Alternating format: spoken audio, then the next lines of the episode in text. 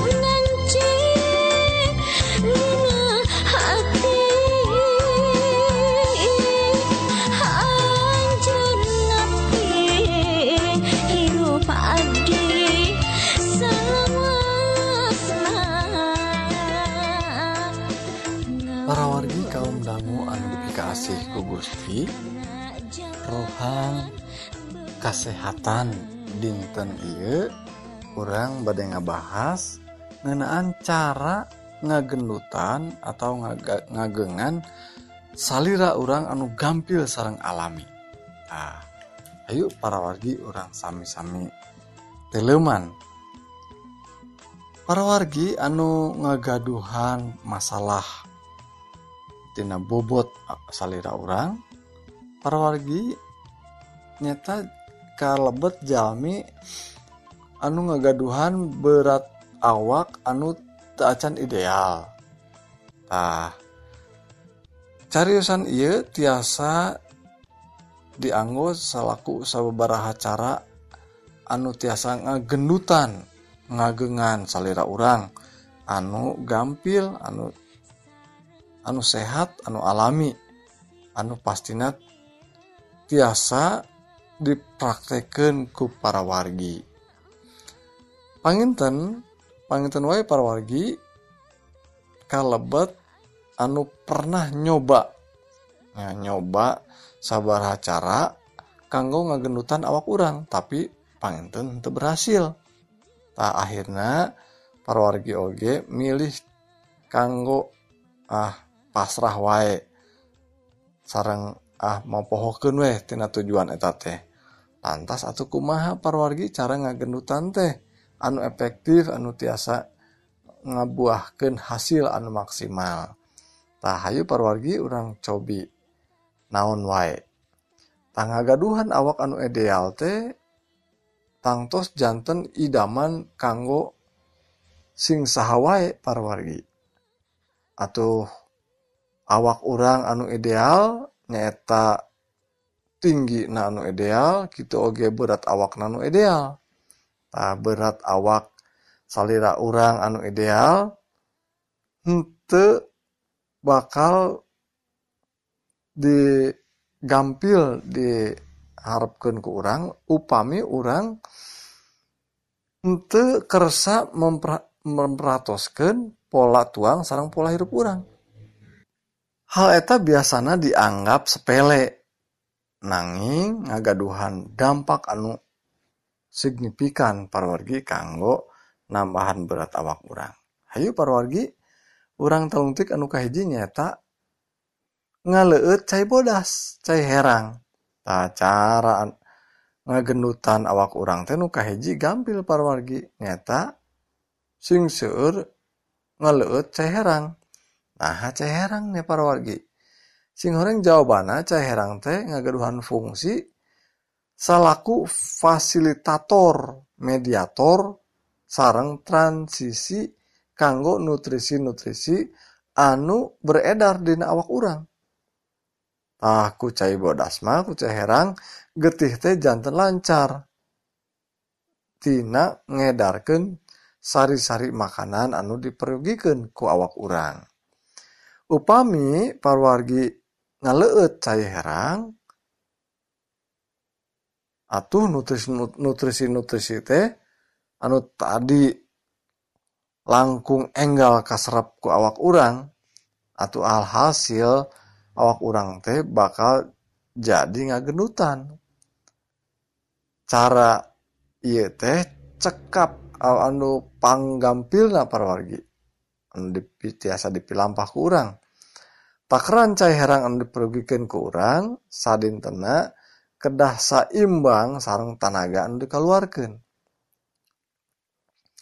Lajeng anu kadua parwargi merhatoskeun cara ngagayemna ngunyahna anu anu anu bener.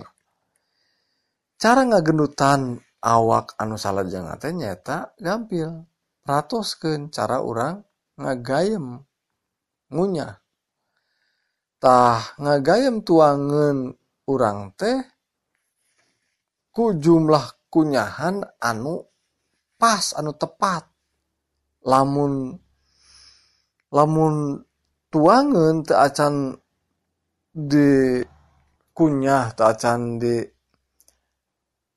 digayam dugikeun ka halus parwargi tah.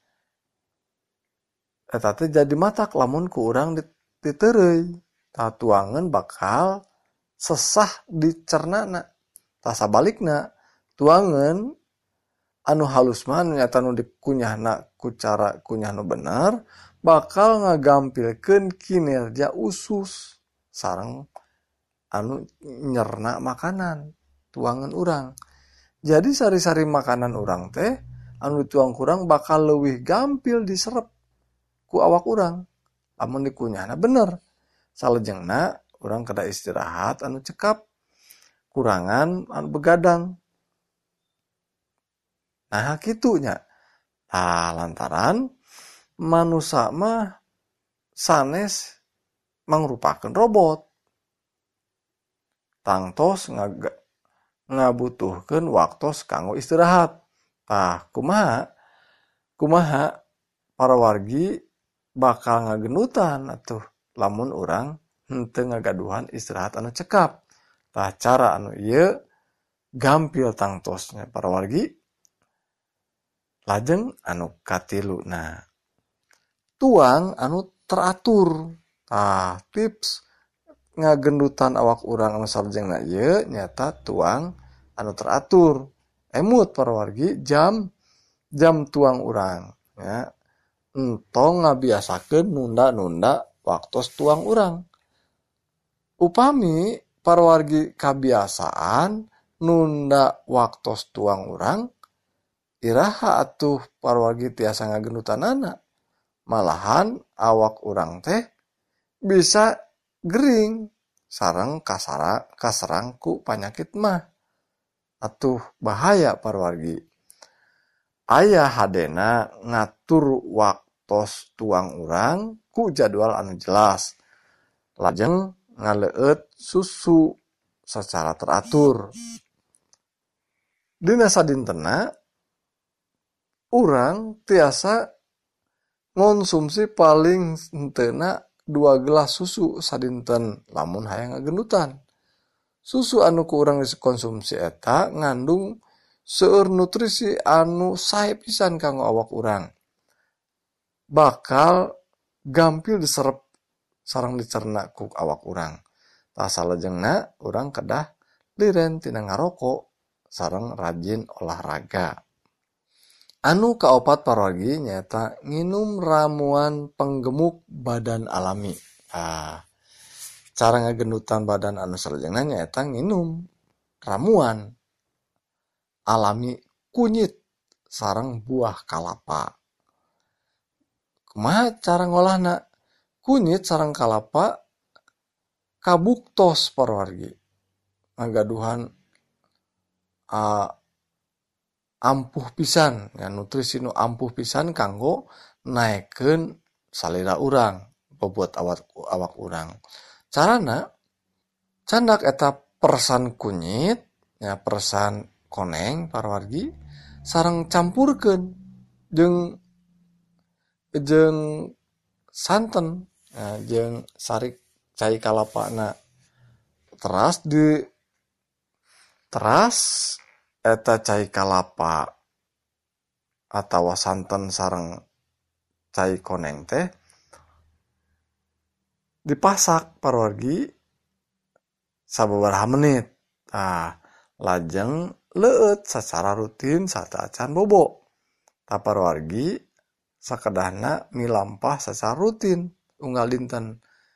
Pasti tinggal hasilnya sabar dinten oge berat awak kurang bakal ningkat. Sarang nafsu tuang oge bakal langkung ningkat.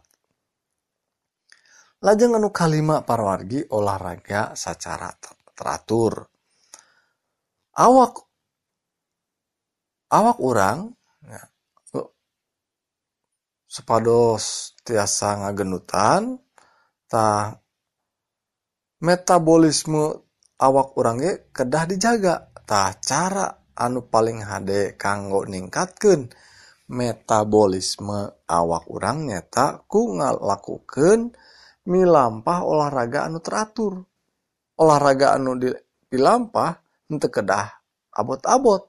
Misalna wae milampah olahraga ringan sapertos mapah atau jalan pagi sarang sonten.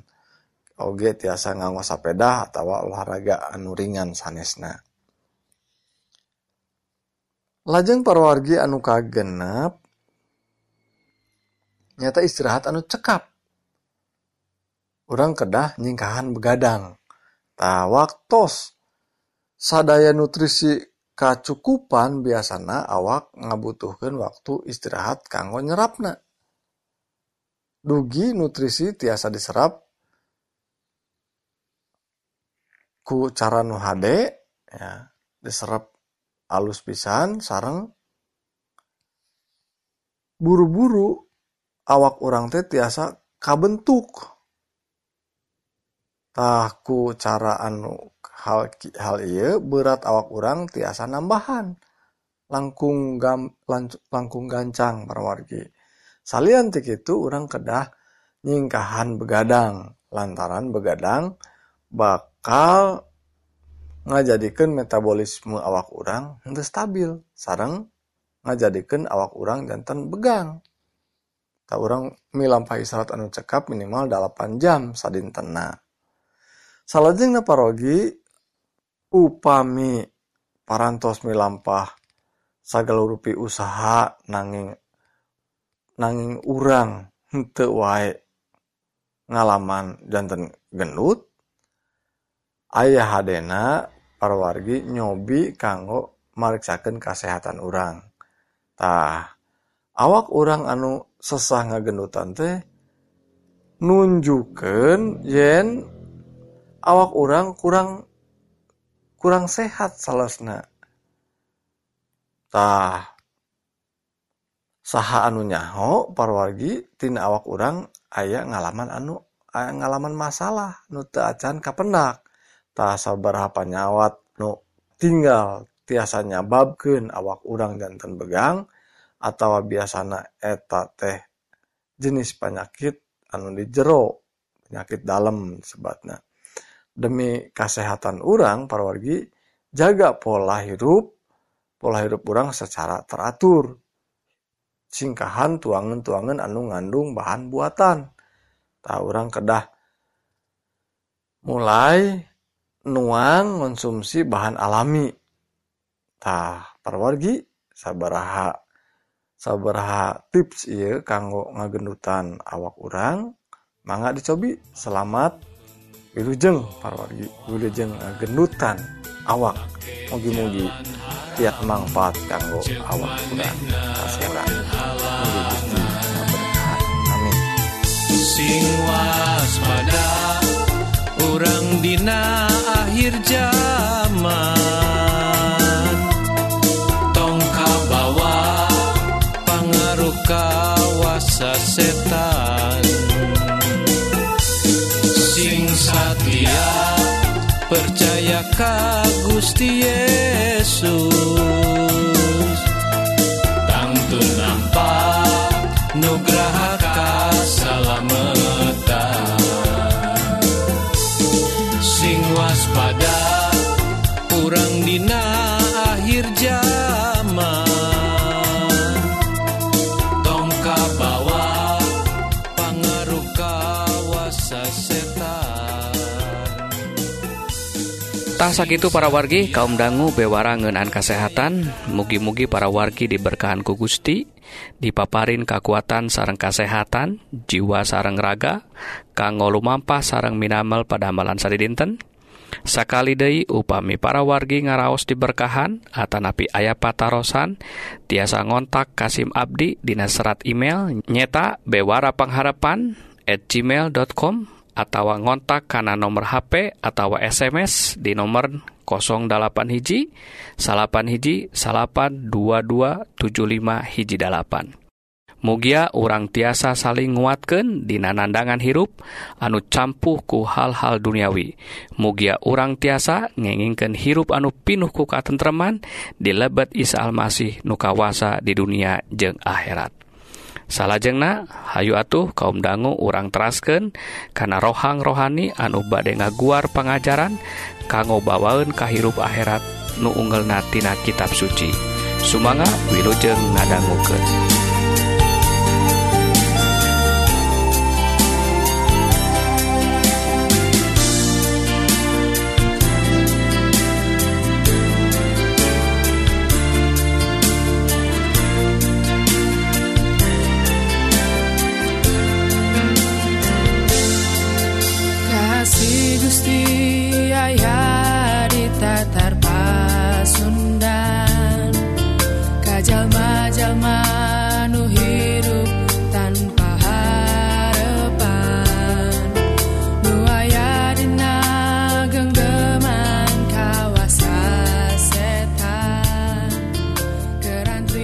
Sampurasun para wargi kaum dangu anu asih ku Gusti. Tepang Dei sarang Abdi Kang Eli Dina rohang rohani anu Ayeuna baris ngabahas ngenaan misil anu sanes nyaeta jaring lauk. Hayu perwargi urang sami-sami neleman. Pelajaran ia anu unggelna Tina Injil Matius pasal 13 ayat 47 dugiken ka ayat 50 Hayu perorgi sami-sami urang ngaos. Jeng Ky ibaratna kerajaan sawwarga teh. Aya nu ngarala lauk di talaga make jaring. Rupa-rupa lauk ka jaring. Sangges jaring napinuh ku lauk tulu diangkat. Nu ngalana ngariung milihan lauk. Lauk anu aralus diasup-asupken kana wadah. anu taya paatna dipicenan Dina poe kiamat oge gitu para malaikat bakal nyokotan jelema-jelema anu jarahat. Dipisahkan ti anu ngarabdi ke Allah.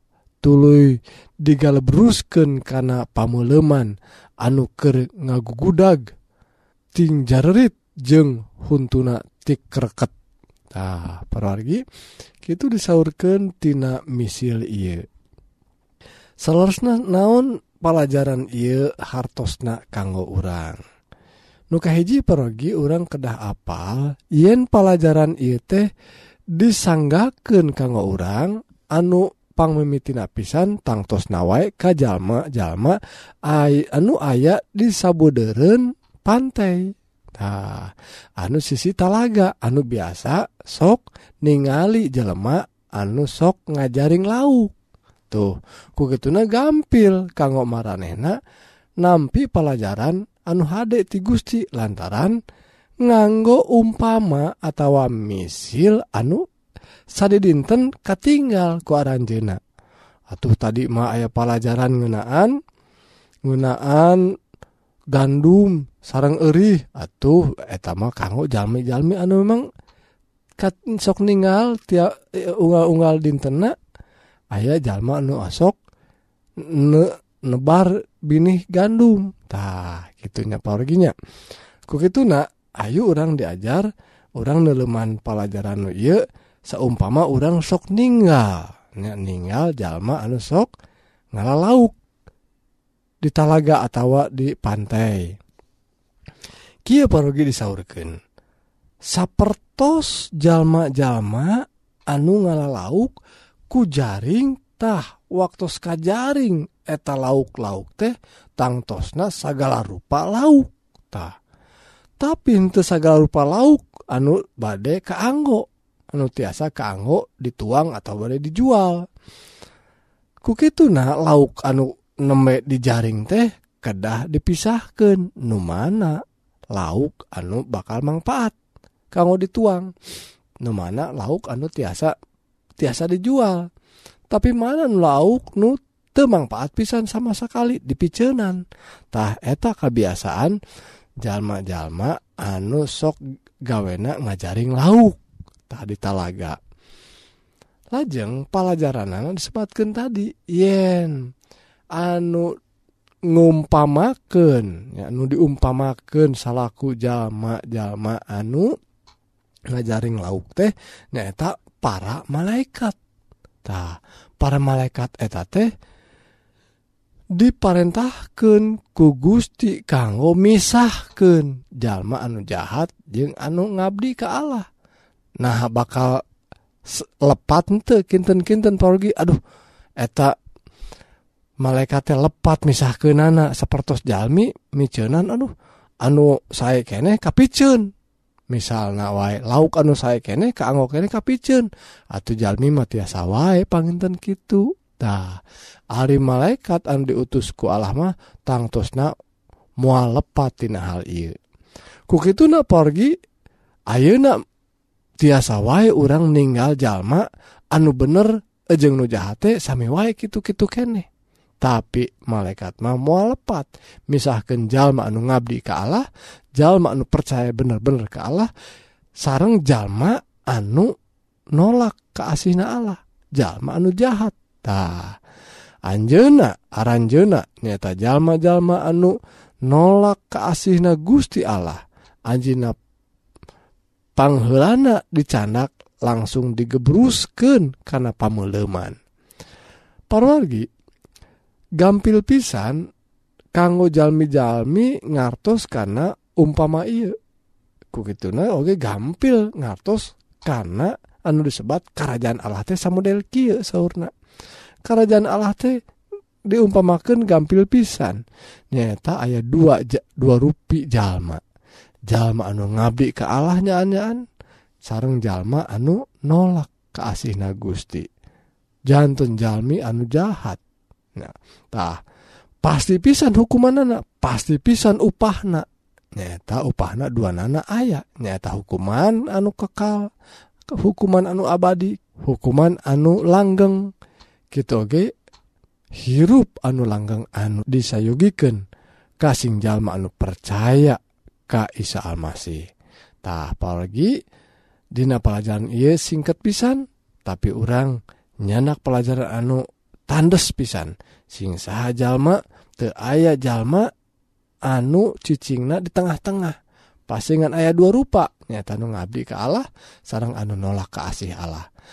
Hayu parogi urang jantan jalma anu kahiji. Nyata jalma anu leres-leres nampi kasih Gusti. Nyata jalma anu ngabdi ke Allah. Mugia urang diberkahan diberkahanku dituyunaku Gusti Allah nganggo roh kudus. anu orang tiasa netepken hati orang iman orang Satya dibikin ke akhir amin.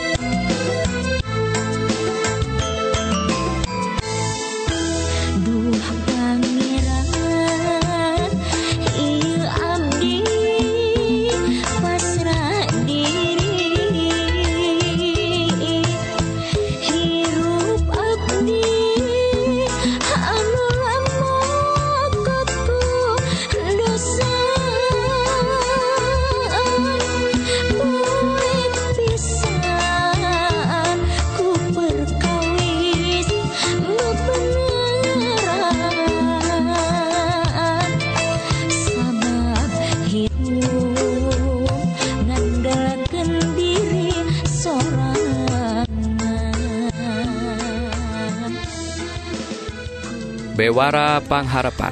Tasak itu para wargi bewara rohani dinten Y mugi-mugi para wargi sadaya ngaraos diberkahan.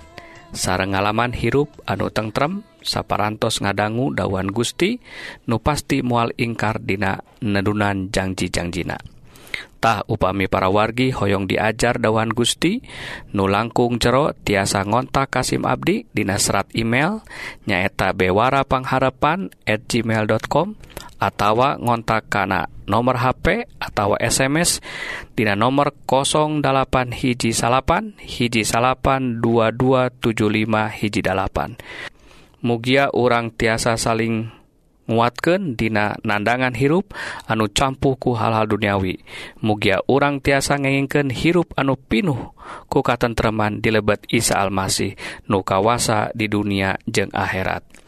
Pi Abdi mugia Gusti ngaberkahan Ka urang sadayana. Amin.